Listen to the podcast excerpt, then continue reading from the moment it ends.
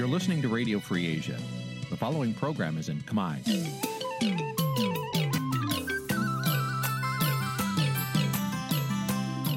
នេះជាកម្មវិធីផ្សាយ Vuthu Azizi Serai នេះជាកម្មវិធីផ្សាយរបស់ Vuthu Azizi Serai ជាភាសាខ្មែរ Vuthu Azizi Serai សូមស្វាគមន៍លោកអ្នកនាងទាំងអស់ពីរដ្ឋធានី Washington នៃសហរដ្ឋអាមេរិកលោកនាងជាទីមិត្តរីពី ទីក្រុងមែលប៊នប្រទេសអូស្ត្រាលីខ្ញុំបាទថាថៃសូមជម្រាបសួរលោកនាងកញ្ញាទាំងអស់ដែលកំពុងតាមដានការផ្សាយរបស់វិទ្យុអស៊ីសេរីនៅរាត្រីនេះយើខ្ញុំសូមជូនកម្មវិធីផ្សាយសម្រាប់យប់ថ្ងៃពុធ12កើតខែភទ្របទ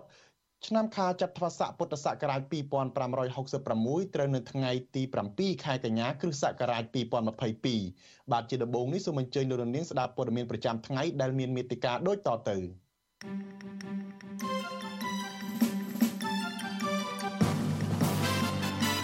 thank you លោកកំសខាថាវាជារឿងអយុត្តិធម៌ដែលតុលាការភ្ជាប់រូបលោកទៅនឹងអំពើហិង្សានៅផ្លូវវែងស្រេង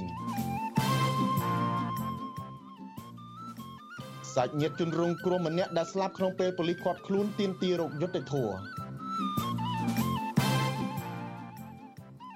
គឧតកោក្រុមហ៊ុន Naga World ស្នើសុំលោកហ៊ុនម៉ាណែតដោះស្រាយវិវាទការងារ សេចក្តីរាយការណ៍ពីសវនាការនៅតុលាការប្រទេសបារាំងជុំវិញបណ្ដឹងបរិហាគេរបស់លោកហ៊ុនសែនលើលោកសំរងស៊ីរួមនឹងព័ត៌មានសំខាន់សំខាន់មួយចំនួនទៀត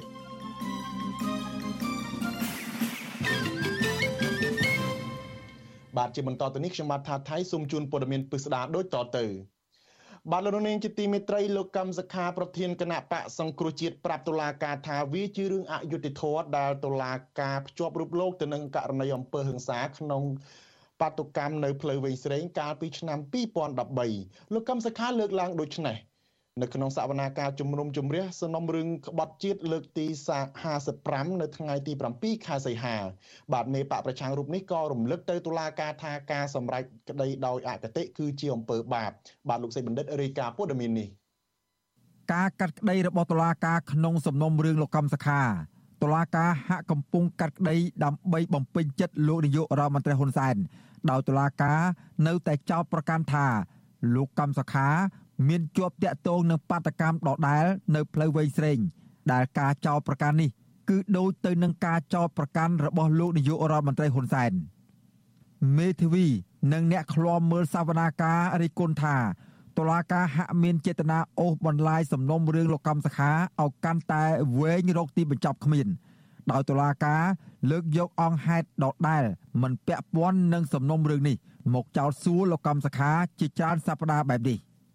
មេធាវីការពីក្តីលោកកម្មសខាគឺលោកមេធាវីផែងហេងថ្លែងប្រាប់សារព័ត៌មានក្រោយចប់សវនាការថាតំណាងអាយកាបានចាក់វីដេអូឈុតខ្លីៗនៃអំពើហិង្សា ក្នុងបាតកម្មនៅផ្លូវវែងស្រេង និងនៅស្ពាននៀកក្បែរទីលានប្រជាធិបតេយ្យ ទោះយ៉ាងណា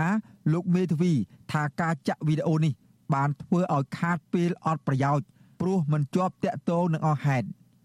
លោកថានៅពេលតំណាងអាយកាសួរសំណួរដដែលដដែលតាក់ទងនឹងអំពើហិង្សានៅផ្លូវវែងស្រេងបែបនេះ លោកកំសខា នៅតែរក្សាចម្លើយដដែលគឺលោកទទួលស្គាល់តែបាតកម្មដែលរៀបចំដោយគណៈបកសង្គ្រោះជាតិនៅទីលានប្រជាធិបតេយ្យប៉ុណ្ណោះចំណែកបាតកម្មនៅក្រៅពីនេះ លោកកម្មសខាមិនដឹងឮឡើយបាតកម្មទាំងអស់នោះសុទ្ធតែមានសាលក្រមដែលសាលាដំបូងរាជធានីបានសម្រេចផ្ដន្ទាទោសមនុស្សមួយចំនួនដែលមានហង្សាក្រមរួចហើយហើយវាមិនមានពាក់ព័ន្ធនឹងការធ្វើត្រូវរបស់ដំណើរការដូច្នេះខ្ញុំគិតថាការលើកយកបាតកម្មដែលបានកាត់ក្តីរួចហើយមានសារក្រមរួចហើយយកមកសួរឡើងវិញវាគ្រាន់តែខាត់ពេលវេលាអត់ប្រយោជន៍ ចំណែកលោកកំសខាក៏បានបង្ហោះសារលើទំព័រ Facebook របស់លោក នៅរសៀលថ្ងៃទី7ខែកញ្ញា គឺក្រោយចប់សវនាការនេះដោយលោកបានអរគុណមេធាវីការពីក្តីសហការី អ្នកគ្រប់គ្រងនិងប្រជាពលរដ្ឋដែលតែងតែជួយការពារលើកទឹកចិត្តនិងផ្ដល់យុត្តិធម៌ដល់លោក ដោយបានចូលរួមផ្ទាល់នៅក្នុងតុលាការ និងបានតាមដាននៅខាងមុខតុលាការទោះបីសវនាការនេះ បានអូសបន្លាយរយៈពេលយ៉ាងយូររហូតដល់ជុំទី55ហើយក៏ដោយលោកកម្មសខាថាការដែលរងភាពអយុត្តិធម៌5ឆ្នាំមកនេះ បានលើកយកនៅពាក្យពីរឃ្លាមកបង្ហាញថា ការសម្រេចដោយអកតេគឺជាអំពើបាប លោកបន្តទៀតថា ជួបជុំគ្នាធ្វើបុណ្យតាមទំនៀមទម្លាប់ខ្មែរគឺអំពើជាកុសលមេបកប្រឆាំងរូបនេះឲ្យដឹងទៀតថា លោកនឹងចូលរួមប្រារព្ធពិធីបុណ្យកាន់បិណ្ឌនិងភ្ជុំបិណ្ឌជាមួយប្រជាពលរដ្ឋនៅតាមវត្តអារាមខ្លះក្នុងសប្តាហ៍ខាងមុខបើទោះបីជាលោកមិនទាន់មានសេរីភាពពេញលេញយ៉ាងណាក្តីសវនាការលើកទី55នេះក៏មិនខុសលើកមុនមុនដែរគឺនៅក្នុងបន្ទប់សវនាការមានតំណាងអង្គការសហប្រជាជាតិតំណាងស្ថានទូតប្រទេសលោកសេរី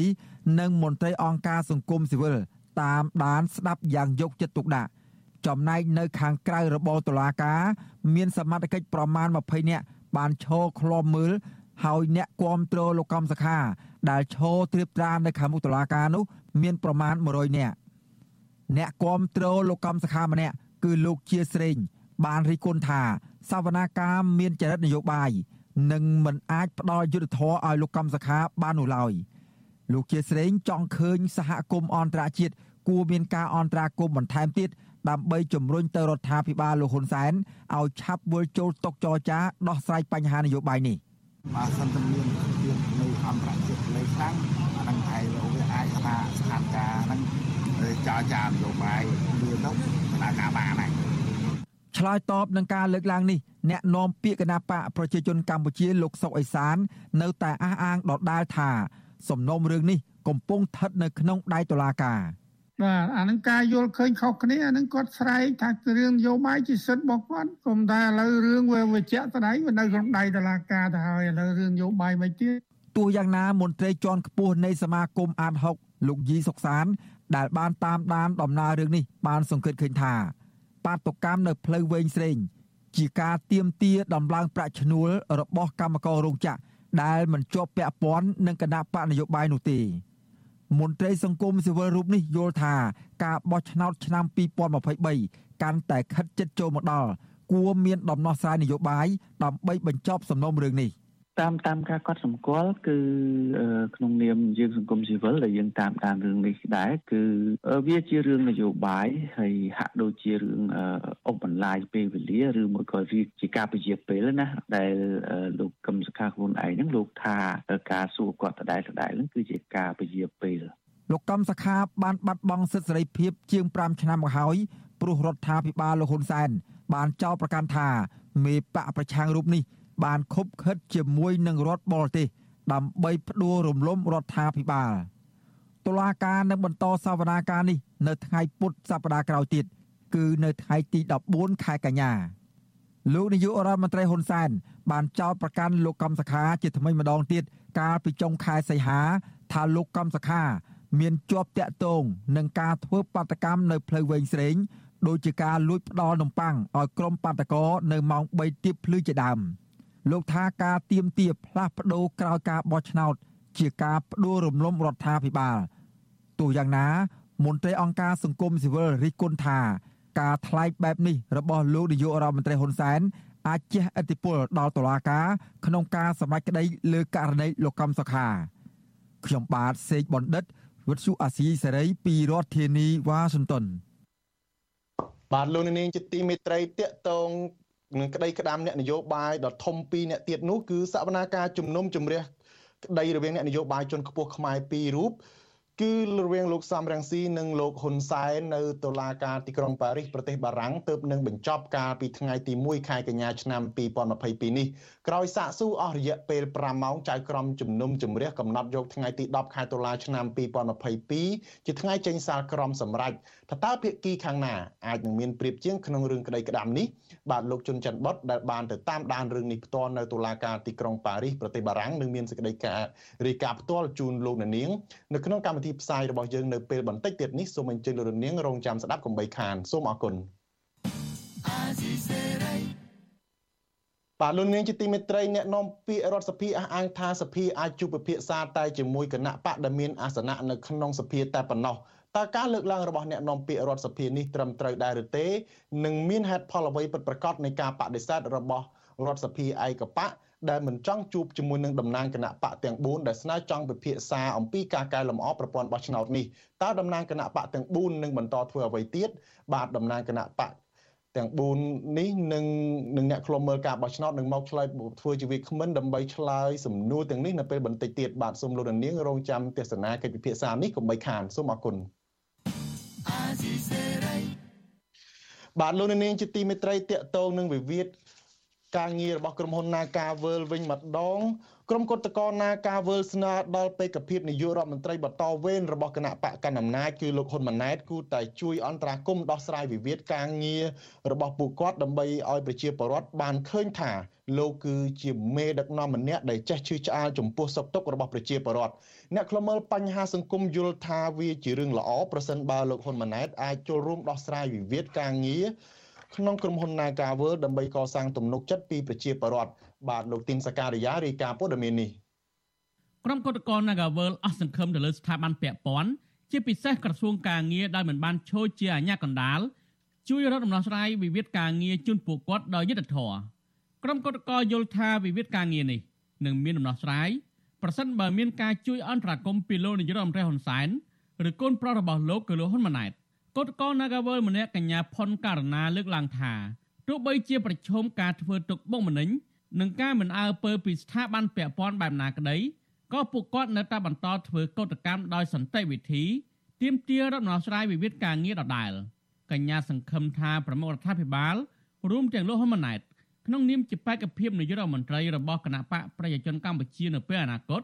នឹងជួយដោះស្រាយវិវាទការងារនេះឲ្យបានចប់ ពួកយើងក៏សង្ឃឹមថានឹងមានការជួយអន្តរាគមន៍ពីថ្នាក់ដឹកនាំក៏ដូចជាចាដូចជាបេក្ខជនដែរក៏យើងមានសង្ឃឹមដែរថាគាត់នឹងអាចបង្ហាញសមត្ថភាពដោះស្រាយបញ្ហានៅក្នុងប្រទេសក្នុងសង្គមយើងអញ្ចឹងហើយទៅមុខទៀតក៏អាចឲ្យប្រជាពលរដ្ឋមានសេចក្តីសង្ឃឹមទៅលើគាត់អញ្ចឹងណាបងព្រោះថាវិវាទការងារនេះវាជារឿងតូចមួយទេអំថាជាវិវាទការងារទេហើយបើសិនជាគាត់អាចជួយអន្តរាគមន៍ដោះស្រាយវិវាទការងារក្រុមហ៊ុន Nagawer នេះបានធ្វើឲ្យប្រជាពលរដ្ឋក៏ដូចជាកម្មករខ្មែរគាត់សប្បាយចិត្តទៅនឹងឋានៈដឹកនាំក៏ដូចជាបេក្ខជនចោឈ្មោះជាឋានៈដឹកនាំទៅថ្ងៃមុខទៀត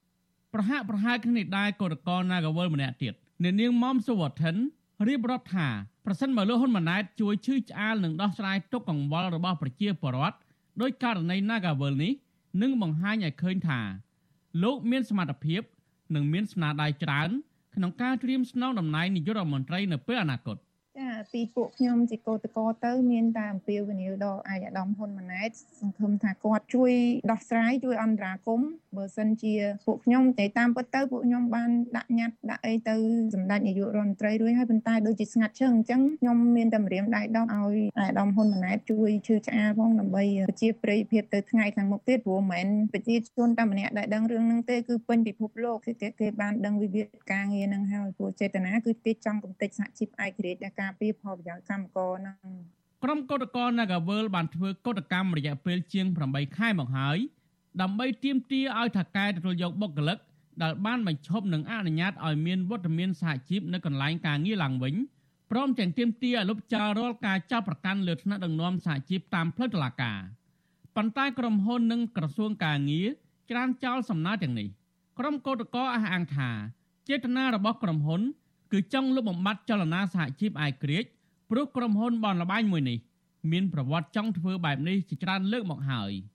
កន្លងមកក្រុមកោតក្រក៏បានដាក់ញត្តិស្វែងរកកិច្ចអន្តរាគមន៍ពីលោកនាយរដ្ឋមន្ត្រីហ៊ុនសែនពីរដ្ឋសភានិងពីក្រសួងមហាផ្ទៃដែរប៉ុន្តែ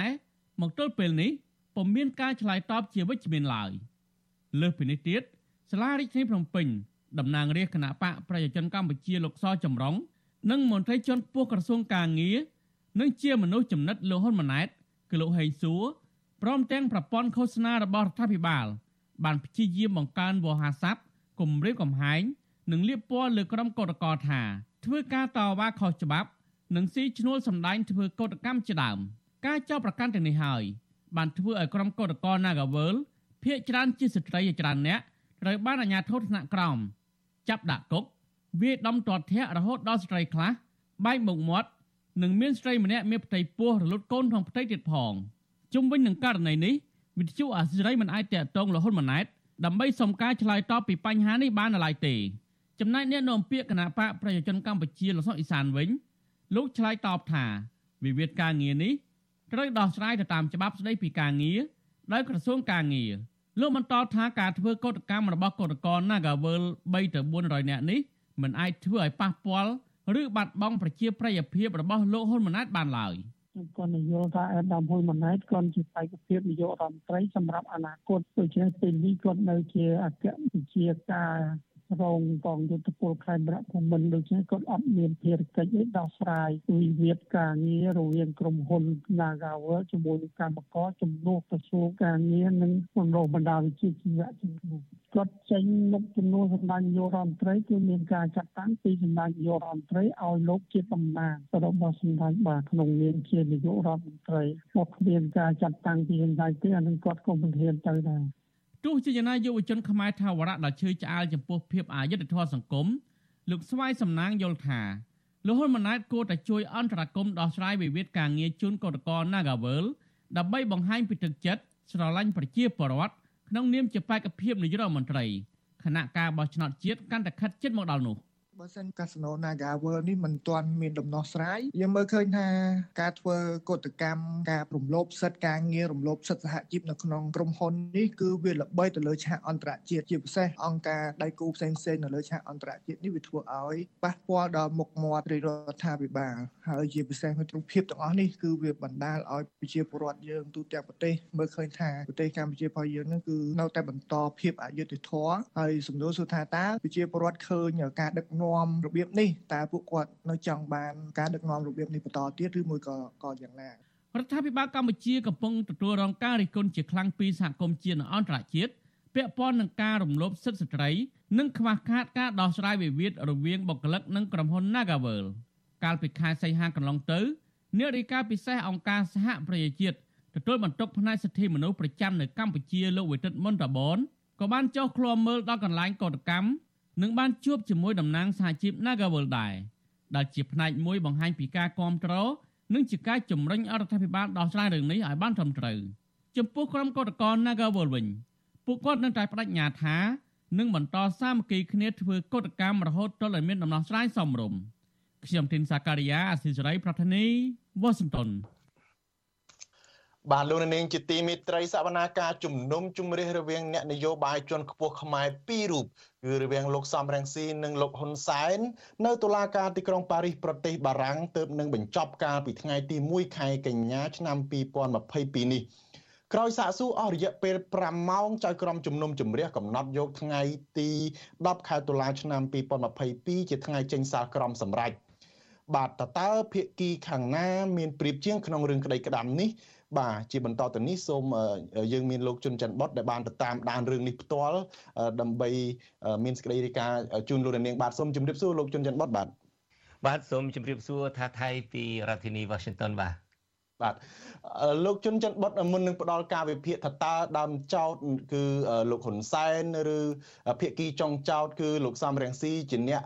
មានប្រៀបជាងឬក៏និយាយឲ្យខ្លីថាអ្នកណាអាចឈ្នះក្តីក្តាំនេះខ្ញុំចង់ឲ្យលោកជុនច័ន្ទបុតរំលឹកឡើងវិញបន្តិចទេអំពីដំណើរដើមតោងនៃក្តីក្តាំនេះជាមុនសិនបាទបាទអរគុណថៃបាទសាវនាការជំនុំជម្រះក្តីនេះដោយលោកថៃ ហើយនឹងប្រជាពលរដ្ឋដែលអ្នកតាមដានអាស៊ីសេរីនេះបានដឹងហើយថា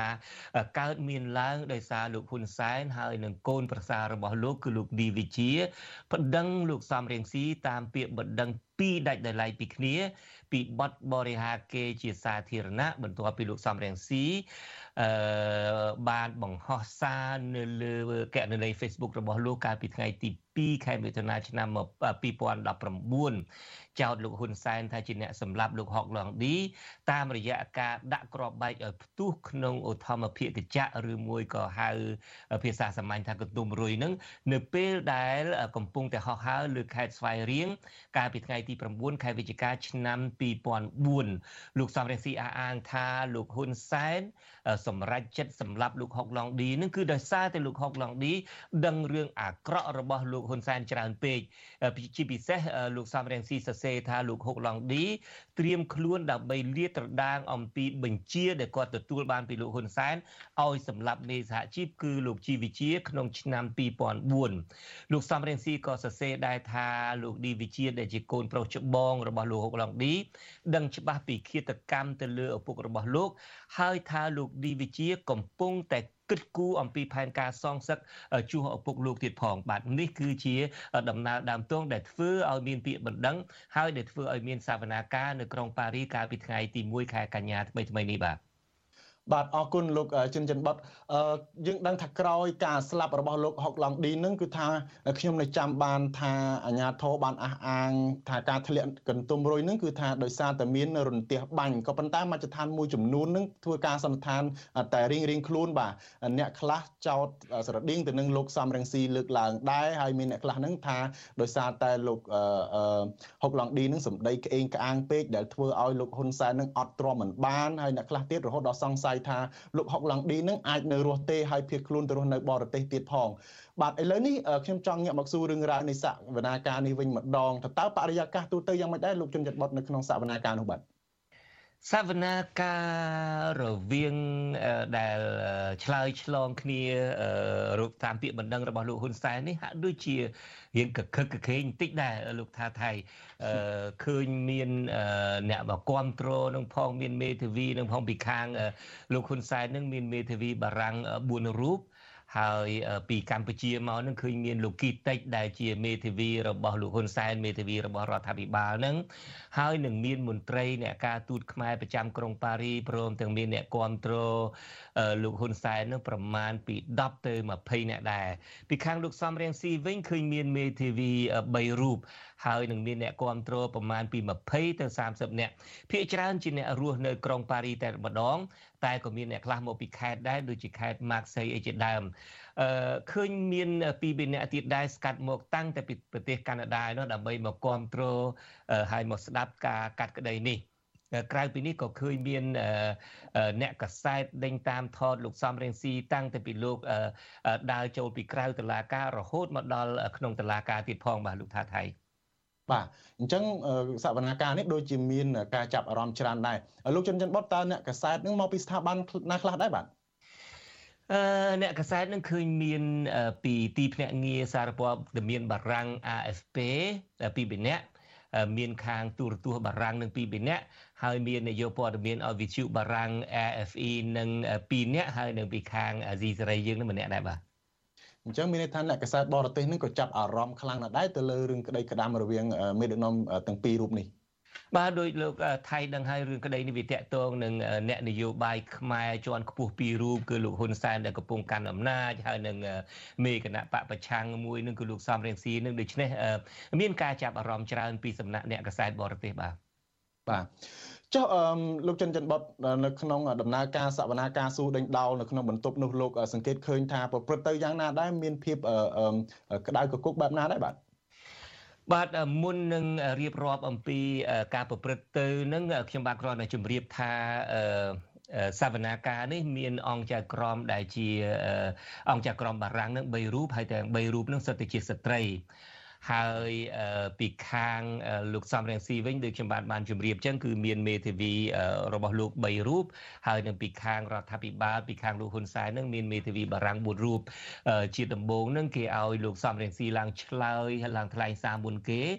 បន្ទាប់មកទៀតក៏គេអញ្ជើញភាគីដើមចោតគឺភាគីខាងលោកហ៊ុនសែន បន្ទាប់ពីភាគីដើមចោតហើយគេនឹងគេអនុញ្ញាតឲ្យភាគីចុងចោតឡើងបកស្រាយហើយចុងបញ្ចប់គេក៏អញ្ជើញលោកសំរងស៊ីដើម្បីឲ្យឡើងថ្លែងសារបញ្ចប់ម្ដងទៀតបាទបាទអឺតើនៅក្នុងសវនាការនឹងហេតុអ្វីបានជាលោកសំរងស៊ីមិនលើកភ័ស្តុតាំងពីការដែលលោកចោទលោកហ៊ុនសែនថាជាអ្នកគប់ក្របបែកសម្រាប់លោកហុកឡង់ឌីនឹងតែបែរជាផ្ដោតទៅលើអំពើគិតកម្មទៅលើអ្នកដទៃវិញលោកជនបတ်បាទ បាទដោយខ្ញុំបាទបានជម្រាបលោកសំរងស៊ីមុនពេលដែលលោកឡើងសវនាការនេះ លោកថាលោកនឹងឆក់ឱកាសវេទិកាឯករាជ្យនៅតុលាការបារាំងនេះដើម្បីលាតត្រដាងនៅអក្រិតកម្មនានាដែលកើតឡើងក្រោមការដឹកនាំរបស់លោកហ៊ុនសែនដូច្នេះជាកិច្ចចាប់ផ្ដើមនៃការឆ្លើយបំភ្លឺនៅមុខចៅក្រមតុលាការបារាំងលោកសំរងស៊ីដោយលោកថាថៃបានលើកឡើងមិញនឹងហើយមិនលើកយកភ័ស្តុតាងអ្វីបន្ថែម សម្រាប់ការពីខ្លួនពីការចោតប្រកាន់ពីបទបរិហាគេទេ តែលោកហាក់ផ្ដោតជាសំខាន់ទៅលើការរៀបរាប់អំពីការសម្លាប់អ្នកនយោបាយមេសហជីពសកម្មជនការពារព្រៃឈើសកម្មជនសិទ្ធិមនុស្សហើយនឹងការធ្វើឃាតកម្មការធ្វើទុកបុកម្នេញទៅលើអ្នកកសែតនិងអ្នកសិល្បៈជាដើម ដែលកើតមានជាហូរហែនៅក្នុងប្រទេសកម្ពុជាមានការប៉ុនប៉ងសម្លាប់លោកសំរងស៊ីខ្លួនឯងនៅម្ដងជាពីរដង មានការសម្លាប់លោកជីវិជាសម្លាប់លោកឈុតវិធីនិងអ្នកស្រីពិសិដ្ឋពីលីកាជាដើមហើយដូចជាសំណួរឆ្លើយតបទៅនឹងសំណួររបស់លោកថាថៃតាតាហេតុអីបានជាលោកសំរងស៊ីមិនលើកឡើងពីភ័ស្តុតាងពីការដែលលោកចោទលោកហ៊ុនសែនថាជាអ្នក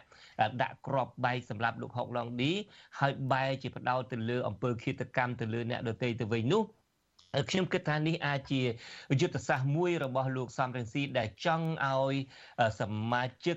អង្គចៅក្រមនៃតុលាការបារាំងនឹងបានដឹងពីបរិបទនយោបាយនៅកម្ពុជាឲ្យបានដឹងពីប្រវត្តិនៃការ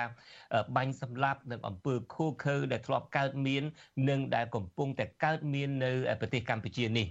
ហើយបាទតកតងទៅនឹងមរណភាពរបស់លោកហុកឡុងឌីវិញលោកសំរងស៊ីបានប្រាប់ទៅអង្គចៅក្រមថានៅកម្ពុជាគ្មាននរណាម្នាក់ហ៊ាននិយាយការពិតទេ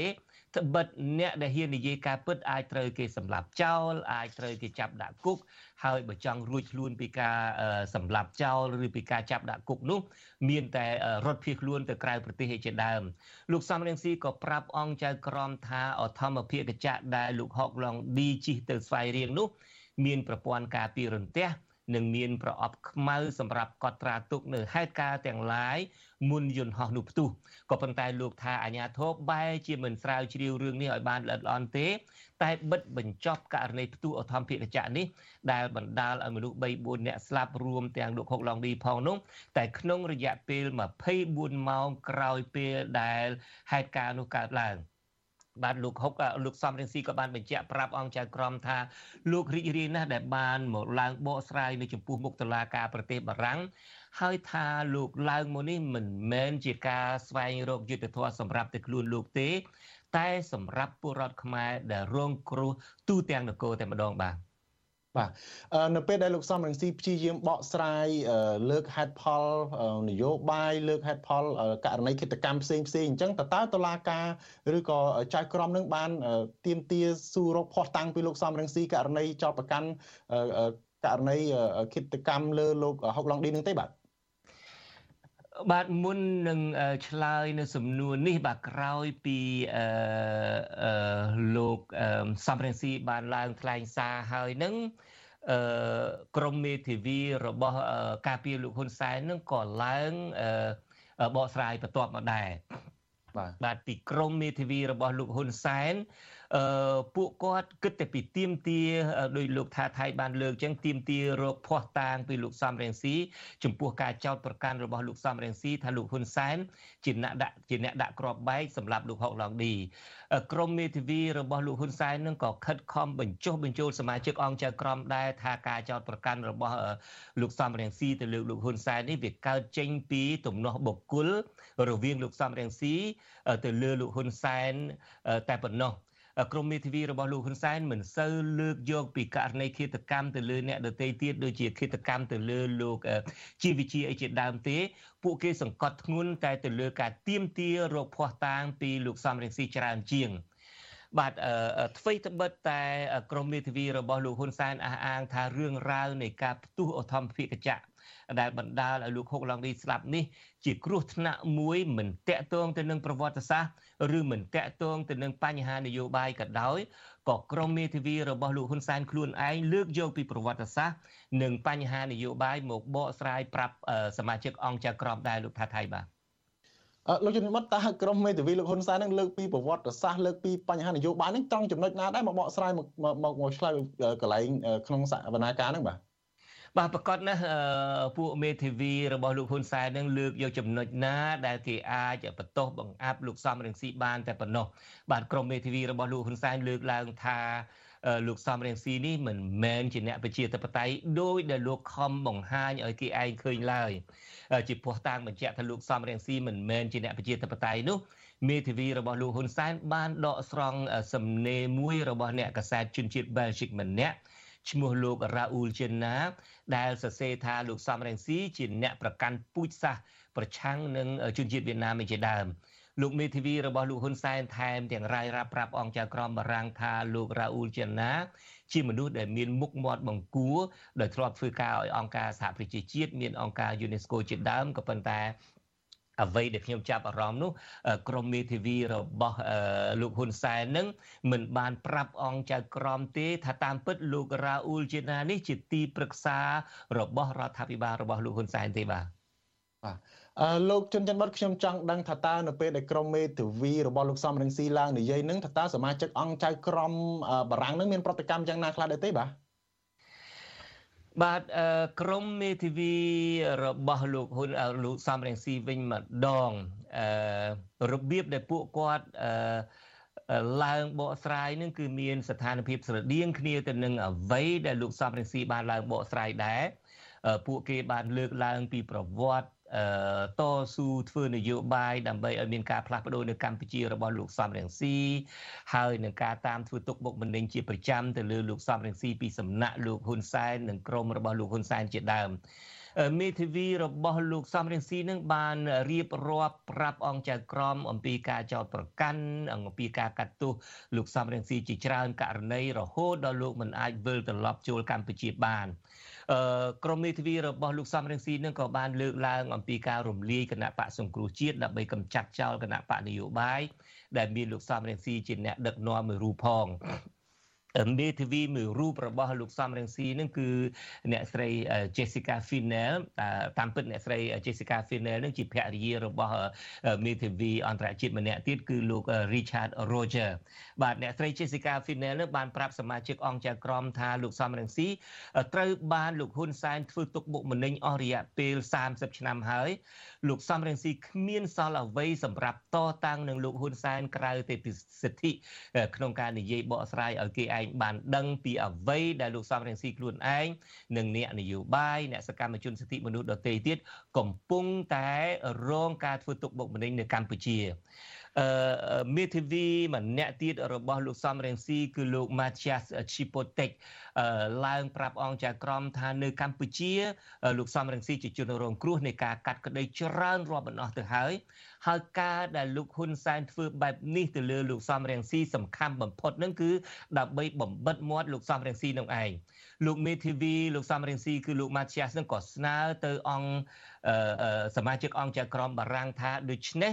តុលាការបារាំងគួរតែប្រគល់សិទ្ធិក្នុងការបញ្ចេញទស្សនៈចំពោះការតស៊ូនយោបាយរបស់លោកសំរងស៊ី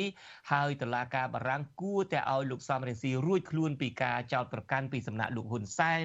ពីបទបរិហាគេនោះលោកម៉ាឈៀសនឹងក៏បញ្ជាក់បន្ថែមទៀតថាអ្វីដែលលោកសំរងស៊ីបាននិយាយ គឺសុទ្ធតែផ្អែកទៅលើការពិតដែលកើតមាន ហើយនឹងកំពុងតែកើតមាននៅកម្ពុជា ហើយលោកបញ្ជាក់ថាប្រសិនបើគេចង់បានការពិតនោះហើយបើសិនជាគេការស្រាវជ្រាវស៊ើបអង្កេតឲ្យមែនទែននោះការពិតអាចនឹងរកឃើញបាន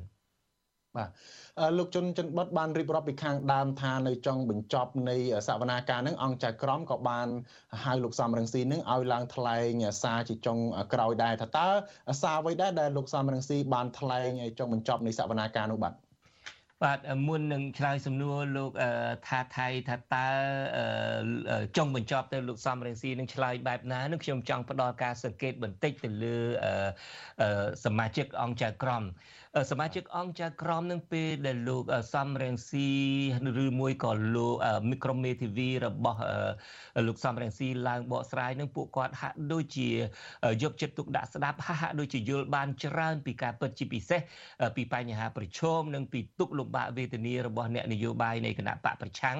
និងសកម្មជនសិទ្ធិមនុស្សសកម្មជនបរិស្ថាននៅកម្ពុជា បាទតកតងនឹងសំណួរថាតើទីបញ្ចប់ទៅលោកសំរងស៊ីដែលគេបានផ្ដល់ឱកាសជាចុងក្រោយនឹងលោកបានឡើងនិយាយអីខ្លះបាទសំទោសនៅពេលដែលចៅក្រមផ្ដល់ឱកាសចុងក្រោយឲ្យលោកសំរងស៊ីឡើងនិយាយនោះខ្ញុំគិតថាលោកសំរងស៊ីអាចឆក់ឱកាសបញ្ជាក់ប្រាប់អង្គចៅក្រមពីហេតុផលសំខាន់បន្ថែមទៀតដើម្បីដោះបន្ទុកពីការចោទប្រកាន់របស់លោកហ៊ុនសែនក៏ប៉ុន្តែលោកហ៊ុនសែនឡើងលោកសំរងស៊ីឡើងនិយាយតែពីរបីម៉ាត់យ៉ាងខ្លីទៅវិញលោកគ្រាន់តែបញ្ជាក់ថាការដែលលោកឡើងមកផ្ទាល់ក្នុងសវនាការនេះ គឺមិនមែនមកស្វែងរកយុត្តិធម៌សម្រាប់ខ្លួនលោកទេ គឺជាការស្វែងរកយុត្តិធម៌សម្រាប់ពលរដ្ឋខ្មែរដទៃទៀតដែលរងការរំលោភបំពាន និងទទួលទរណកម្មជាប្រចាំ ចំពោះការនិយាយស្ដីនិងការហ៊ានបញ្ចេញទស្សនៈរបស់ខ្លួន បាទការឡើងថ្លែងសារចុងក្រោយរបស់លោកសំរងស៊ីនេះបែបបង្កប់នៃការឈឺចាប់ខ្លាំងណាស់ហើយលោកថាថៃត្បិតពេលដែលលោកឡើងនិយាយជាចុងក្រោយនេះគាត់និយាយទាំងអួលដើមកផងបាទ បាទអរគុណលោកជុនច័ន្ទបតដែលបានរៀបរាប់ពីដំណើរការនៃសវនាការនេះយ៉ាងក្បោះក្បាយបាទឥឡូវនេះយើងចូលដល់សំណួរសំខាន់បំផុតសម្រាប់កិច្ចសន្ទនានៅរាត្រីនេះបាទបន្ទាប់ពីលោកបានតាមដានសវនាការឆ្លើយឆ្លងរវាងដើមចោតនិងចុងចោតនៅឯតុលាការទីក្រុងប៉ារីសប្រទេសបារាំងនោះលោកជុនច័ន្ទបតថាតើលោកប្រមាលមើលឃើញទេថាតើភាគីខាងណាដែលមានព្រៀបជាងនៅក្នុងសំណុំរឿងក្តីក្តាំនេះថាតើលោកហ៊ុនសែនឬក៏លោកសំរងស៊ីបាទ បាទតាមពិតយើងដឹងទាំងអស់គ្នាហើយការសម្រេចជាចុងក្រោយនោះគឺជាឆន្ទានុសិទ្ធិរបស់តុលាការហើយខ្ញុំសូមបញ្ជាក់ម្ដងទៀតថាសារក្រមសម្រេចនឹងនឹងចេញនៅថ្ងៃទី10ខែតុលាខាងមុខនេះក៏ប៉ុន្តែបើតាមការសង្កេតរបស់ខ្ញុំភាគីចុងចោតគឺខាងលោកសំរងស៊ីហាក់ដូចជាមានព្រៀបជាងបាទបាទហើយអ្វីលោកជនជនបត់ហ៊ានសន្និដ្ឋានបែបនេះបាទ បាទដូចដោយលោកថាថៃបានដឹងហើយលោកហ៊ុនសែននិងកូនប្រសាររបស់លោកនឹងបណ្ដឹងលោកសំរងស៊ីពីបទបរិហាគេត្រង់ចំណុចនេះខ្ញុំគិតថាទាំងលោកសំរងស៊ីនិងមេធាវីរបស់លោកនឹងបានបកស្រាយបានបង្ហាញទៅអង្គចៅក្រមបារាំងបានច្បាស់ណាស់ពីស្ថានភាពនៃការកាប់សម្លាប់អ្នកនយោបាយនិងអ្នកដែលគេចាត់ទុកថាជាអ្នកប្រឆាំងនៅកម្ពុជា ហើយការសម្លាប់នឹងជាពិសេសគឺសម្លាប់ដើម្បីបបិទមាត់អ្វីត្បិតតែខាងលោកសំរងស៊ីមិនមានភ័ស្តុតាងអ្វីជាក់ស្ដែងដើម្បីផ្សារភ្ជាប់លោកហ៊ុនសែនទៅនឹងការចោទប្រកាន់របស់លោកថាជាអ្នកដាក់គ្រាប់បែកសម្លាប់លោកហុកឡុងឌីនិងសម្លាប់ជនដទៃទៀតមានលោកជាវិជាជាដើមក្តីក៏ក្រមមេធាវីរបស់លោកសំរងស៊ីបញ្ជាក់ថាប្រសិនបើគេចង់ស៊ើបអង្កេតពីរឿងនេះ ឲ្យបានពិតប្រាកដគេនឹងអាចរកភ័ស្តុតាងបានបាទជាពិសេសមេធាវីរបស់លោកសំរងស៊ីលើកឡើងថាអ្នកដែលដឹងរឿងរ៉ាវនៃការកាប់សម្លាប់ទាំងនេះអ្នកខ្លះនៅមានជីវិតនៅឡើយអ្នកខ្លះមិនហ៊ាននិយាយអ្នកខ្លះកំពុងជាប់ពន្ធនាគារទៀតផងបាទបាទអឺ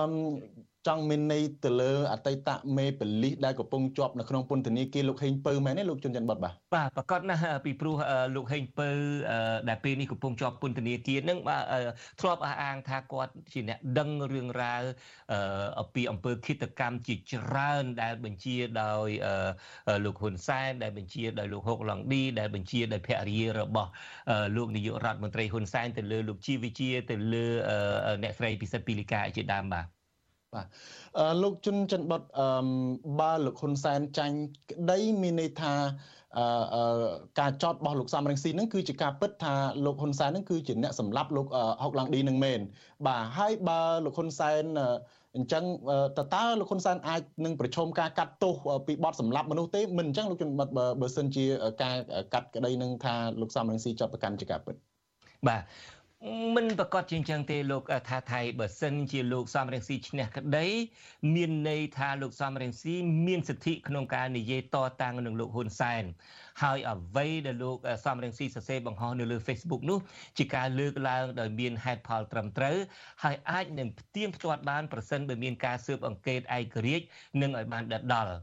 ដូចយើងបានដឹងដូចយើងបានដឹងហើយថាការកាត់ក្តីនេះកើតឡើងដោយសារលោកហ៊ុនសែនបដិងលោកសំរងស៊ីពីបទបរិហាគេដូច្នេះការកាត់ក្តីនេះក៏ត្រឹមតែរកឲ្យឃើញថាលោកសំរងស៊ីបរិហាគេមែនឬក៏មិនបរិហាគេតែប៉ុណ្ណឹងប្រហែលជាមិនអាចឈានទៅស្រាវជ្រាវរកបុតអក្រិតនានាដែលអាចនឹងលោកហ៊ុនសែននៅពីក្រោយនោះទេបាទបាទហើយលោកជំនាញបត់ចុះបើលោកហ៊ុនសែនឈ្នះក្តីវិញយ៉ាងម៉េចបាទ បើលោកហ៊ុនសែនឈ្នះក្តីវិញមានន័យថាអ្វីដែលលោកសំរៀងស៊ីសរសេរបង្ហោះនៅលើ Facebook កាលពីថ្ងៃទី2ខែមិថុនាឆ្នាំ2019នោះជាការបរិហាគេមែន ហើយលោកសំរៀងស៊ីនឹងត្រូវបង់ជំងឺចិត្តជូនលោកហ៊ុនសែនចំនួន1អឺរ៉ូបាទបទបរិហាគេអីនៅប្រទេសបារាំងនេះគឺមិនមានទោសរហូតដល់ចាប់ដាក់ពន្ធនាគារឬបាញ់ចោលដោយដែលយើងធ្លាប់ឃើញនៅប្រទេសកម្ពុជាទេចំពោះលោកហ៊ុនសែនវិញប្រសិនបើលោកឈ្នះក្តីនេះវិញលោកអាចនឹងក្រឡៃយករឿងឈ្នះក្តីនេះទៅកឡៃទៅឃោសនាថាលោកជាអ្នកនយោបាយស្អាតស្អំមិនប្រឡូកប្រឡាក់ទៅនឹងការកាប់សម្លាប់នៅកម្ពុជាទេអ្វីត្បិតតែរឿងក្តីនេះមានយុត្ថាធិការឬមានដែនកំណត់ត្រឹមតែសម្រាប់ពីបទបរិហាគេឬមិនបរិហាគេតែប៉ុណ្ណោះមិនមែនជាការស្រាវជ្រាវថាតើលោកហ៊ុនសែនជាអ្នកនៅពីក្រោយការកាប់សម្លាប់លោកហុកឡុងឌីឬលោកជីវជាក៏ដោយចុះចំពោះលោកសំរៀងស៊ីវិញទោះជាសាលក្រមចេញបែបណាក៏ដោយខ្ញុំសង្កេតឃើញថាក៏លោកហាក់ដូចជាសម្រេចបំណងដ៏ធំរបស់លោកនឹងរួចទៅហើយនោះគឺឱ កាសនៃការលាតត្រដាងអំពីការកាប់សម្លាប់ពីការធ្វើទុកបុកម្នេញពីសំណាក់លោកហ៊ុនសែននិងដៃជើងរបស់លោកទៅលើអ្នកនយោបាយនិងសកម្មជនសិទ្ធិមនុស្សសកម្មជនបរិស្ថានអ្នកកសែតជាដើមឲ្យតុលាការឯករាជ្យនៅប្រទេសបារាំងនិងកសែតអន្តរជាតិបានដឹងដោយការថ្លែងរបស់លោកសំរៀងស៊ីផ្ទាល់ចំពោះសវនាការដែលទើបនឹងបញ្ចប់ទៅថ្មីថ្មីនេះលោកថាសវនាការនេះគឺមិនមែនជាការកាត់ក្តីលោកសំរៀងស៊ីទេ តែជាការកាត់ក្តី លោកហ៊ុនសែនខ្លួនឯងទៅវិញបាទបាទអរគុណណាស់លោកជុនច័ន្ទបុតដែលបានរៀបរាប់បកស្រាយយ៉ាងក្បោះក្បាយពាក់ព័ន្ធនឹងក្តីក្តាមរវាងលោកសំរងស៊ីនិងលោកហ៊ុនសែននៅរាត្រីនេះបាទយ៉ាងណាក៏ដោយយើងនឹងរងចាំមើលលទ្ធផលផ្លូវការមែនទែនដែលនឹងចេញដោយតុលាការបារាំងនៅថ្ងៃទី10ខែតុលាខាងមុខនេះបាទសូមជម្រាបលាលោកជុនច័ន្ទបុតត្រឹមប៉ុណ្ណេះសិនបាទបាទសូមជម្រាបលាលោកថាថៃហើយសូមជម្រាបលាលោកអ្នកស្ដាប់ទាំងអស់យើងនឹងជួបគ្នានៅក្នុងការផ្សាយពេលក្រោយទៀតបាទបាទសូមអរគុណ បាទលោកនាងជាទីមេត្រីធនធានធម្មជាតិដីធ្លីព្រៃឈើភ្នំទន្លេបឹងប៊ូនិងសមុទ្រជាដើមសុទ្ធសឹងតែជាទ្រព្យសម្បត្តិរបស់រដ្ឋដែលមានកំណត់នៅក្នុងរដ្ឋធម្មនុញ្ញរដ្ឋមានកាតព្វកិច្ចចាត់ចែងឲ្យមានផែនការច្បាស់លាស់ក្នុងការគ្រប់គ្រងធនធានទាំងនេះក៏ប៉ុន្តែរយៈពេលជាច្រើនឆ្នាំមកនេះរដ្ឋាភិបាលលោកហ៊ុនសែនត្រូវបានគេមើលឃើញថាគ្រប់គ្រងសម្បត្តិជាតិទាំងនេះមិនបានត្រឹមត្រូវឡើយហើយបន្តិចម្ដងបន្តិចម្ដង ទ្រព្យសម្បត្តិជាតិបាទជាច្រើនបានធ្លាក់ទៅក្នុងដៃក្រុមហ៊ុននិងបុគ្គលឯកជនថាតើបញ្ហានេះបណ្ដាលមកពីមូលហេតុអ្វីដែរបាទលោកនាងនឹងបានស្ដាប់សេចក្តីរាយការណ៍នេះពិស្ដារនៅពេលបន្តិចទៀតអាស៊ីសេរី បាទលោកនាងជាទីមេត្រីតាកតងទៅនឹងរឿងជនរងគ្រោះប្រជាពលរដ្ឋដែលស្លាប់នៅក្នុងដៃប៉ូលីសវិញម្ដងគឺថាបងស្រីជនរងគ្រោះដែលត្រូវគេសង្ស័យដែលត្រូវគេសង្ស័យថាត្រូវសមត្ថកិច្ចសង្កាត់គោករកានិងខណ្ឌព្រែកភ្នៅប្រាហឹង្សាវីរហូតដល់ស្លាប់ស្នើដល់អាជ្ញាធរពាក់ព័ន្ធជួយស្វែងរកយុត្តិធម៌ដល់បងប្រុសរបស់លោកស្រីមន្ត្រីសង្គមស៊ីវិលយល់ឃើញថាសមត្ថកិច្ចគូចាត់ឲ្យមានការស៊ើបអង្កេតនិងរកយុត្តិធម៌លើការស្លាប់របស់ជនរងគ្រោះបាទអ្នកស្រីសុជីវីរាយការណ៍ព័ត៌មាននេះសាច់ញាតិក្រុមគ្រួសារជនរងគ្រោះម្នាក់ដែលស្លាប់ក្នុងពេលប៉ូលីសឃាត់ខ្លួនកាលពីថ្ងៃទី3ខែកញ្ញាគឺលោកស្រីហៃចាន់នីអះអាងថាបងប្រុសរបស់លោកស្រីមិនមែនស្លាប់ដោយសារជំងឺដោយការលើកឡើងរបស់សមត្ថកិច្ចឡើយ ព្រោះបងប្រុសរបស់លោកស្រីមានសុខភាពល្អមុនការឃាត់ខ្លួនលោកស្រីហៃចាន់នីប្រាវិទ្យូអាស៊ីសេរីនៅថ្ងៃទី7កញ្ញាថាលោកស្រីនិងក្រុមគ្រួសារនៅតែមានអារម្មណ៍សោកសៅនិងឈឺចាប់នៅពេលរំលឹកដល់បងប្រុសរបស់លោកស្រីព្រោះការស្លាប់របស់ជនរងគ្រោះមិនទាន់ទទួលបានយុត្តិធម៌នៅឡើយទេ លោកស្រីហៃចាន់នីជឿជាក់ថា បងប្រុសរបស់លោកស្រីស្លាប់ដោយសារការវាយធ្វើទរណកម្មពីសំណាក់សមត្ថកិច្ច មិនមែនស្លាប់ដោយសារជំងឺឬដួលនៅក្នុងបន្ទប់ទឹកដោយការលើកឡើងរបស់សមត្ថកិច្ចនោះឡើយលោកស្រីនិងក្រុមគ្រួសារស្នើសុំឲ្យអាជ្ញាធរមានសមត្ថកិច្ចជួយអន្តរាគមន៍ស្វែងរកយុត្តិធម៌ដល់ក្រុមគ្រួសាររបស់លោកស្រីព្រោះលោកស្រីថាបងប្រុសលោកស្រី មានសុខភាពល្អនិងមិនដែលមានជំងឺប្រចាំកាយនោះទេ តែក្រោយពីប៉ូលីសឃាត់ខ្លួនត្រឹមតែ2ថ្ងៃបងប្រុសរបស់លោកស្រីបែរជាធ្លាក់ខ្លួនឈឺធ្ងន់រហូតដល់ស្លាប់នៅថ្ងៃទី3ខែកញ្ញា ខ្ញុំសំណពរថាឲ្យមន្ត្រីទាំងអស់ជួយរកយុត្តិធម៌ដល់ក្រុមគ្រួសារនាងខ្ញុំផងព្រោះខ្ញុំមើលតែបងខ្ញុំពេលមុនគាត់ស្ដាប់មិនដឹងវេទនាយ៉ាងណាខ្ញុំមានទាំងវីដេអូដែលគាត់កដោថឹងនិយាយប្រាប់ម៉ែឪបងប្អូនតែគាត់និយាយអត់ចេញណាបងវិទ្យុអាស៊ីសេរីមិនអាចតាក់ទងប្រធានគណៈកម្មាធិការជាតិប្រឆាំងទរណកម្មលោកនុតសាអាន ដើម្បីសូមអត្ថាធិប្បាយអំពីរឿងនេះបានទេ នៅថ្ងៃទី7កញ្ញានេះទោះជាយ៉ាងណា អធិការនគរបាលខណ្ឌព្រែកភ្នៅក្រុងភ្នំពេញលោកឈិនកឹមធុនបានប្រាប់សារព័ត៌មាន VOD ថាការស្លាប់របស់លោកហាយប៊ុនណាមិនមែនដោយសារការធ្វើទរណកម្មរបស់សមត្ថកិច្ចនោះទេ គឺលោកហាយប៊ុនណាបានស្លាប់ដោយសារជំងឺប្រចាំកាយរបស់គាត់ហើយលោកក៏បានធ្វើរបាយការណ៍ទៅថ្នាក់លើរួចរាល់ហើយដែរលោកហាយប៊ុនណាត្រូវបានប៉ូលីសសង្កាត់គូករកាឃាត់ខ្លួនកាលពីថ្ងៃទី25ខែសីហា ដោយសង្ស័យថាលោកបានលួចគ្រឿងរថយន្តមួយកន្លែងនៅក្នុងសង្កាត់គូករកាជាមួយជនសង្ស័យពីអ្នកផ្សេងទៀតបន្ទាប់ពីការឃាត់ខ្លួនសាច់ញាតិលោកហាយប៊ុនណាក៏បានទៅសួរសុខទុក្ខលោកដែរប៉ុន្តែសមត្ថកិច្ចមិនអនុញ្ញាតឲ្យសាច់ញាតិចូលទៅជួបនោះទេលុះដល់ថ្ងៃទី27ខែសីហា បងស្រីនិងម្ដាយរបស់លោកហាយប៊ុនណា បានទៅសួរសុខទុក្ខលោកនៅខណ្ឌព្រែកភ្នៅ ហើយនៅទីនោះ ពួកគាត់បានឮសំឡេងស្រែកហៅឲ្យជួយ និងគោះទ្វារខ្លាំងខ្លាំងបន្ទាប់មកពួកគាត់ឃើញប៉ូលីសសែងលោកហាយប៊ុនណាដែលមានសភាពសន្លប់បាត់ស្មារតីបញ្ជូនទៅសង្គ្រោះបន្ទាន់នៅមន្ទីរពេទ្យបង្អែកព្រែកភ្នៅក្រោយមកដោយសារស្ថានភាពកាន់តែធ្ងន់ប៉ូលីសក៏បានបញ្ជូនលោកហាយប៊ុនណាទៅមន្ទីរពេទ្យលោកសង្ឃនិងបញ្ជូនទៅមន្ទីរពេទ្យមិត្តភាពកម្ពុជារុស្ស៊ីហើយលោកហាយប៊ុនណាក៏បានស្លាប់នៅថ្ងៃទី3កញ្ញានៅមន្ទីរពេទ្យកម្ពុជារុស្ស៊ីតែម្ដង រូបភាពសាកសពលោកហាយប៊ុនណាដែលត្រូវបានចែករំលែកលើបណ្ដាញសង្គម Facebook បង្ហាញថាសាកសពមានស្នាមជាំពេញដងខ្លួនខាងក្រោយ ហើយក៏ដៃស្មងជើង និងផ្នែកខាងក្រោមស្មា មានស្នាមដាច់រលាត់ជាច្រើនជុំវិញរឿងនេះនាយកទទួលបន្ទុកកិច្ចការទូតនៃអង្គការលីកាដូលោកអំសំអាត ប្រាប់វិទ្យុអាស៊ីសេរីថាប្រទេសកម្ពុជា គឺជារដ្ឋសមាជិកដែលបានធ្វើសេចក្ដីបានទៅលើអនុសញ្ញាប្រឆាំងទរណកម្ម និងការប្រព្រឹត្តមកលើខ្លួនឬទណ្ឌកម្មឯទៀតដែលខូខើនិងអមនុស្សធម៌តាំងពីឆ្នាំ2007មកម្លេះលោកអំសំអាតបន្ថែមថា ក្នុងករណីជនសង្ស័យស្លាប់ក្នុងពេលឃាត់ខ្លួនបើទោះជាក្រុមគ្រួសារជនរងគ្រោះមិនបានដាក់ពាក្យប្តឹងក៏ដោយក៏គណៈកម្មាធិការប្រយុទ្ធប្រឆាំងទារុណកម្មរបស់រដ្ឋាភិបាលកម្ពុជា មានភារកិច្ចធ្វើការស៊ើបអង្កេតបន្ថែមទៅលើមន្ត្រីសមត្ថកិច្ចដើម្បីស្វែងរកយុត្តិធម៌ដល់ជនរងគ្រោះ និងបង្ការកុំឲ្យមានករណីទរណកម្មទៅលើជនសង្ស័យបន្តទៀតដើម្បីធានាឲ្យបានការអនុវត្តកាតព្វកិច្ចរបស់ខ្លួនអាជ្ញាធរដែលពាក់ព័ន្ធនិងគណៈកម្មការពិនិត្យប្រឆាំងអំពើទរណកម្មត្រូវតែមានការសិក្សាទៅលើករណីនេះដោយឯករាជ្យសម្រាប់ភាពនិងយុត្តិធម៌អំពើហិង្សាពីសមត្ថកិច្ចទៅលើជនសង្ស័យរហូតដល់ស្លាប់ក្នុងពេលឃាត់ខ្លួននេះកើតមានឡើងជាច្រើនករណីមកហើយ ក្នុងនោះមានអំពើហិង្សានៅខេត្តបាត់ដំបងពីកម្លាំងសមត្ថកិច្ចលើលោកពេជ្រធីរ៉េតកាលពីខែសីហាឆ្នាំ2021នៅមិនទាន់ទទួលបានយុត្តិធម៌នៅឡើយទេបើទោះបីជាគណៈកម្មាធិការជាតិប្រឆាំងទរណកម្មបានរកឃើញថាការស្លាប់របស់លោកពេជ្រធីរ៉េតជាការធ្វើទរណកម្មក៏ដោយ ដោយឡែកថ្មីថ្មីនេះករណីអំពើហិង្សាមួយទៀតនៅខេត្តកំពង់ធំ មន្ត្រីកងរាជអាវុធហត្ថ3នាក់ត្រូវបានឃាត់ខ្លួន និងបញ្ជូនទៅតុលាការ ក្រុមបទចោតអំពើមនុស្សឃាតដោយអចេតនាករណីអំពើហិង្សាទៅលើអនុប្រធានភូមិម្នាក់គឺលោកសួងដនរហូតដល់ស្លាប់ករណីស្រដៀងគ្នានេះដែរ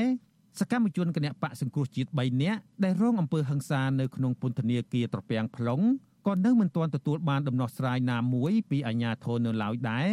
គណៈជនជាប់ឃុំទាំងនោះនៅតែទទួលការគំរាមកំហែងនៅអំពើហិង្សាទៅលើពួកគេ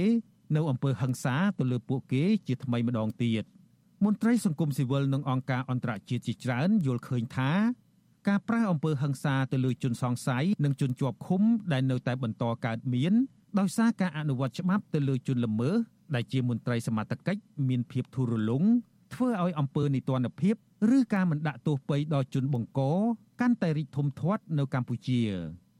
ខ្ញុំជីវិតាអាស៊ីសេរី បាទលោកនាងជាទីមេត្រីនៅមុននេះគឺជាសេចក្តីរាយការណ៍របស់លោកជីវិតាមិនមែនជាសេចក្តីរាយការណ៍របស់អ្នកស្រីសុជីវីទេបាទលោកនាងជាទីមេត្រីតកតងនឹងបញ្ហាធនធានធម្មជាតិដីធ្លីព្រៃឈើភ្នំទន្លេបឹងប៊ូនិងសមុទ្រជាដើមសុទ្ធសឹងតែជាទ្រព្យសម្បត្តិរបស់រដ្ឋដែលមានកំណត់នៅក្នុងរដ្ឋធម្មនុញ្ញរដ្ឋមានកាតព្វកិច្ចចាត់ចែងឲ្យមានផែនការច្បាស់លាស់ក្នុងការគ្រប់គ្រងធនធានធម្មជាតិទាំងនេះ ក៏ប៉ុន្តែរយៈពេលជាច្រើនឆ្នាំមកនេះរដ្ឋាភិបាលលោកហ៊ុនសែនត្រូវបានគេមើលឃើញថាគ្រប់គ្រងសម្បត្តិជាតិទាំងនេះមិនបានត្រឹមត្រូវឡើយហើយបន្តិចម្ដងបន្តិចម្ដងទ្រព្យសម្បត្តិជាតិជាច្រើនបានធ្លាក់ទៅក្នុងដៃក្រុមហ៊ុននិងបុគ្គលឯកជនទៅវិញតើបញ្ហានេះបណ្ដាលមកពីមូលហេតុអ្វីដែរបាទលោកយ៉ងច័ន្ទរាសូមជូនសេចក្តីរាយការណ៍នេះពឹស្ដាដូចតទៅ អ្នកជំនាញផ្នែកច្បាប់និងមន្ត្រីអង្គការសង្គមស៊ីវិលលើកឡើងស្របគ្នាថាកម្ពុជាក្រោមការគ្រប់គ្រងរបស់លោកហ៊ុនសែនកំពុងតែបោះជំហានទៅរកសង្គមសក្តិភូមិដែលមន្ត្រីក្រាក់ក្រាក់និងអ្នកមានលុយមានអំណាចច្បាមយកទ្រព្យសម្បត្តិជាតិតាមវិធីងាយងាយនេះគឺដោយសារតែកម្ពុជាគ្មានច្បាប់អនុប្រយោគដែលបើកលទ្ធភាពឲ្យនាយករដ្ឋមន្ត្រីចាត់ចែងទ្រព្យសម្បត្តិជាតិដោយគ្មានការត្រួតពិនិត្យ អ្នកជំនាញផ្នែកច្បាប់និងជាអ្នកវិភាគនយោបាយចាស់វសា បណ្ឌិតឡៅម៉ុងហៃមានប្រសាសន៍ថាការគ្រប់គ្រងទ្រព្យសម្បត្តិរបស់ជាតិបានល្អទៅបាន គឺគេចាំបាច់ត្រូវតែមានច្បាប់អនុប្រយោគអនុលោមតាមច្បាប់ភូមិបាលឆ្នាំ2001លោកបញ្យល់ថាច្បាប់អនុប្រយោគនេះនឹងជួយឲ្យការចាត់ចែងទ្រព្យសម្បត្តិរបស់ជាតិមានភាពត្រឹមត្រូវ និងមានតម្លាភាព ជាពិសេសបានឆ្លងកាត់តាមយន្តការសភា ពាក់ព័ន្ធនឹងសម្បត្តិដែលសាធារណៈរបស់រដ្ឋវាត្រូវមានច្បាប់អនុប្រយោគមួយដែលសភាអនុម័តព្រោះអានេះដីនេះគឺដីរបស់រដ្ឋសម្បត្តិរបស់ជាតិទាំងមូលដល់ហើយគឺក៏ត្រូវឲ្យគេដឹងឮយើងអត់ធ្វើអញ្ចឹងទេយើងច្រូតកាត់តែម្ដងបាទ ដូច្នេះគេអាចសន្និដ្ឋានណាព្រោះអានោះរួមធំហើយធ្ងន់ធ្ងរទៅទៀតបាទអាហ្នឹងគេធ្វើឲ្យមានការងាយស្រួលទៅដល់ដែលការដណ្ដើមយកដីដែលសាធារណៈរបស់រដ្ឋហ្នឹងទៅកាន់កាប់ជាសម្បទានក្តីជាការជួលក្តីហើយក៏គេមិនដឹងទៅទៀតថាឥឡូវនេះជាពិសេសតំបន់បង្កក់នៅភ្នំពេញនេះតើវានៅជាដីឯកជនរបស់រដ្ឋឬក៏ដីកម្មសិទ្ធិឯកជនរបស់អ្នកកាន់កាប់សប្តាហ៍នេះបាទ ច្បាប់ភូមិបាលឆ្នាំ2001ចែងថាទ្រព្យសម្បត្តិសាធារណៈរបស់រដ្ឋមិនអាចលក់ដូរបានឡើយហើយកម្មសិទ្ធិនៃទ្រព្យទាំងនោះមិនអាចកំណត់អាជ្ញាយុកាលបាននោះទេទ្រព្យសម្បត្តិសាធារណៈរបស់រដ្ឋនៅពេលបាត់បង់ប្រយោជន៍សាធារណៈអាចត្រូវចាត់បញ្ចូលជាទ្រព្យសម្បត្តិឯកជនរបស់រដ្ឋគឺទាល់តែคล้ายជាទ្រព្យសម្បត្តិឯកជនរបស់រដ្ឋនោះហើយទើបទ្រព្យសម្បត្តិទាំងនោះអាចជាកម្មវត្ថុនៃការលក់ការដូរការបែងចែកឬការផ្ទេរសិទ្ធិតាមការកំណត់ដោយច្បាប់ រីឯការបំលែងទ្រព្យសម្បត្តិសាធារណៈរបស់រដ្ឋទៅជាទ្រព្យសម្បត្តិឯកជនរបស់រដ្ឋនោះវិញគឺត្រូវធ្វើឡើងតាមរយៈច្បាប់អនុប្រយោគទោះជាយ៉ាងណានៅក្នុងរយៈពេលជាង20ឆ្នាំមកនេះរដ្ឋាភិបាលលោកហ៊ុនសែនមិនព្រមបង្កើតច្បាប់ដ៏សំខាន់នេះឡើយហើយការធ្វើអនុប្រយោគធ្វើឡើងត្រឹមតែអនុក្រឹត្យរបស់នាយករដ្ឋមន្ត្រីដោយយោងទៅតាមព្រះរាជក្រឹត្យស្ដីពីគោលការណ៍និងបទបញ្ញត្តិអន្តរកាលនៃការធ្វើអនុប្រយោគទ្រព្យសម្បត្តិសាធារណៈរបស់រដ្ឋនិងនីតិបុគ្គលសាធារណៈ ចុះកាលពីខែសីហាឆ្នាំ2006នោះជំនួសវិញនាយកប្រតិបត្តិអង្គការពន្លកខ្មែរលោកប៉ាក់សុភ័ណ្ឌថ្លែងថាការមិនបង្កើតច្បាប់ហើយយកអនុក្រឹត្យរបស់នាយករដ្ឋមន្ត្រីមកប្រើជំនួសច្បាប់បែបនេះគឺជាការអនុវត្តមិនត្រឹមត្រូវឡើយលោកក៏សម្គាល់ថាផលវិបាកដ៏ធំដែលកើតចេញអំពីចន្លោះប្រហោងនៃច្បាប់និងការអនុវត្តនេះបង្កើតឲ្យមានជាទំនាស់ដីធ្លីនិងការច្បាមយកទ្រព្យសម្បត្តិជាតិគក្រឹកគក្រែង គួរតែចាត់ទុកថាច្បាប់អនុប្រយោគនេះគឺជាអតិភិបហើយសំខាន់គួរតែធ្វើវាឲ្យបានមុនពីព្រោះកុំឲ្យមានការផ្ទេរផ្ទូដីព្រៃផ្ទេរផ្ទូតំបន់ដែលជាដីសាធារណៈរបស់រដ្ឋទៅឲ្យវិស័យឯកជនដោយអត់ផ្អែកទៅលើច្បាប់ដែលអត់ទាន់មានជាធរមានហើយចេះតែយកអំណាចចេញអនុក្រឹត្យបាទ ទំនាស់ដីធ្លីព្រៃឈើធនធានធម្មជាតិនឹងវានៅតែកើតមានអញ្ចឹងទៅរហូតដោយសារតែការចេញអនុក្រឹត្យនឹងឯងហើយដល់ការចេញអនុក្រឹត្យនឹងវាមិនមែនប្រកាសថាត្រឹមត្រូវទេណាទី1គឺវាខុសនីតិវិធីទី2ការចេញអនុក្រឹត្យម្ដងទៅលុបអនុក្រឹត្យមុខភាពអនុក្រឹត្យវិញទៅចេញអនុក្រឹត្យមួយផ្សេងទៀតអាហ្នឹងដែលវាកាន់តែខុសទៅហើយកោះម្ដងទៀតហើយម្ដងទៀត ប្រធានអង្គភិបអ្នកនាំពាក្យរដ្ឋាភិបាលលោកផៃស៊ីផាននិងអ្នកនាំពាក្យគណៈបកកណ្ដាលអំណាចលោកសុកអេសានសូមមិនធ្វើអត្ថាធិប្បាយរឿងនេះឡើយដោយពួកលោកជំរុញឲ្យទៅសួរអង្គភិបជំនាញរបស់រដ្ឋាភិបាលជំនួសវិញក៏ប៉ុន្តែអ្នកនាំពាក្យក្រសួងរៀបចំដែនដីនគររូបនីយកម្មនិងសំណង់លោកសេងលូតបានថ្លែងនៅក្នុងសន្និសីទសារព័ត៌មានស្ដីពីសមិទ្ធផលការងាររយៈពេល5ឆ្នាំរបស់ក្រសួងរៀបចំដែនដីកាលពីថ្ងៃទី23សីហាថា រដ្ឋាភិបាលធ្វើអនុប្រយោគទ្រព្យសម្បត្តិរបស់ជាតិជាពិសេសដីធ្លីដើម្បីជាប្រយោជន៍ដល់ប្រជាពលរដ្ឋនិងការអភិវឌ្ឍលោកអះអាងទៀតថាការធ្វើអនុប្រយោគទ្រព្យសម្បត្តិរបស់ជាតិសុទ្ធតែធ្វើឡើងដោយមានការសិក្សាច្បាស់លាស់និងមានដំណាភាពព័ត៌មានខ្ញុំមិនខ្លាចនឹងលើកចំណុចដែលខាងសារព័ត៌មានលើកមិញថាឃើញមានអនុប្រយោគបឹងអាហ្នឹងយើងទៅមើលផងថាតើវាបឹងពិតឬមិនពិតជួនអ្នកសារព័ត៌មានឮតែគេថាបឹងអត់បានទៅមើល ចេះតែថាបឹងចុះទៅមើលជាក់ស្ដែងមុននឹងធ្វើអនុប្រយោគដីដែលពាក់ព័ន្ធជាមួយបឹងក៏ដោយព្រៃក៏ដោយសុទ្ធតែមានការចុះពិនិត្យជាក់ស្ដែងចុះយកនិយមការច្បាស់លាស់ទើបសម្រេចស្នើសុំទៅរាជរដ្ឋាភិបាលធ្វើអនុប្រយោគហើយបើនិយាយមិញថាចង់និយាយពីបឹងតមោកហើយបើបឹងតមោកចាំបាច់លើកនៅទីនេះធ្វើអីបើសម្ដេចតេជោនយុរដ្ឋមន្ត្រីលោកបានមានប្រសាសន៍នៅក្នុងវេទិកាជាច្រើនការធ្វើអនុប្រយោគដើម្បីធ្វើការពិវត្ត ទោះជាមានការបកស្រាយបែបនេះពីមន្ត្រីរដ្ឋាភិបាលក្តីក៏គេស្ទើរតែមិនដែលឃើញមានទេនៅការសិក្សាអំពីផលប៉ះពាល់បរិស្ថាននិងសង្គមអំពីគម្រោងវិនិយោគធំធំនីមួយៗនោះជាឧទាហរណ៍ការឈូសកំទេចព្រៃភ្នំតាម៉ៅការចាក់លុបផ្នែកខ្លះនៃទន្លេដើម្បីបង្កើតទីក្រុងរណបកោះពេជ្រនិងការលុបបឹងតាមុកជាដើមមន្ត្រីអង្គការសង្គមស៊ីវិលលើកឡើងថាការបកស្រាយរបស់មន្ត្រីតំណាងក្រសួងដែនដីនេះ គឺគ្រាន់តែជាការការពារខ្លួនប៉ុណ្ណោះពីព្រោះការអនុវត្តជាក់ស្ដែងមិនមែនបែបនោះឡើយ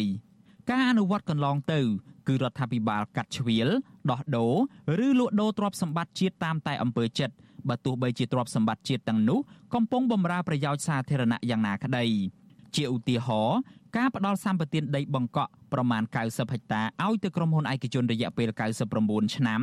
ការកាត់ដីបឹងតាមុកជាង2000ហិកតាជាជំរាកជំរាកឲ្យទៅក្រសួងស្ថាប័នរដ្ឋវិស័យឯកជនមន្ត្រីរដ្ឋាភិបាល និងសាច់ញាតិរបស់ពួកគេការកាត់ដីបឹងទន្លេបាទីជាង200ហិកតាឲ្យវិស័យឯកជនការកាត់ដីគម្របព្រៃឈើរាប់រយរាប់ពាន់ហិកតាដើម្បីផ្ដល់ឲ្យក្រុមហ៊ុននិងបុគ្គលឯកជន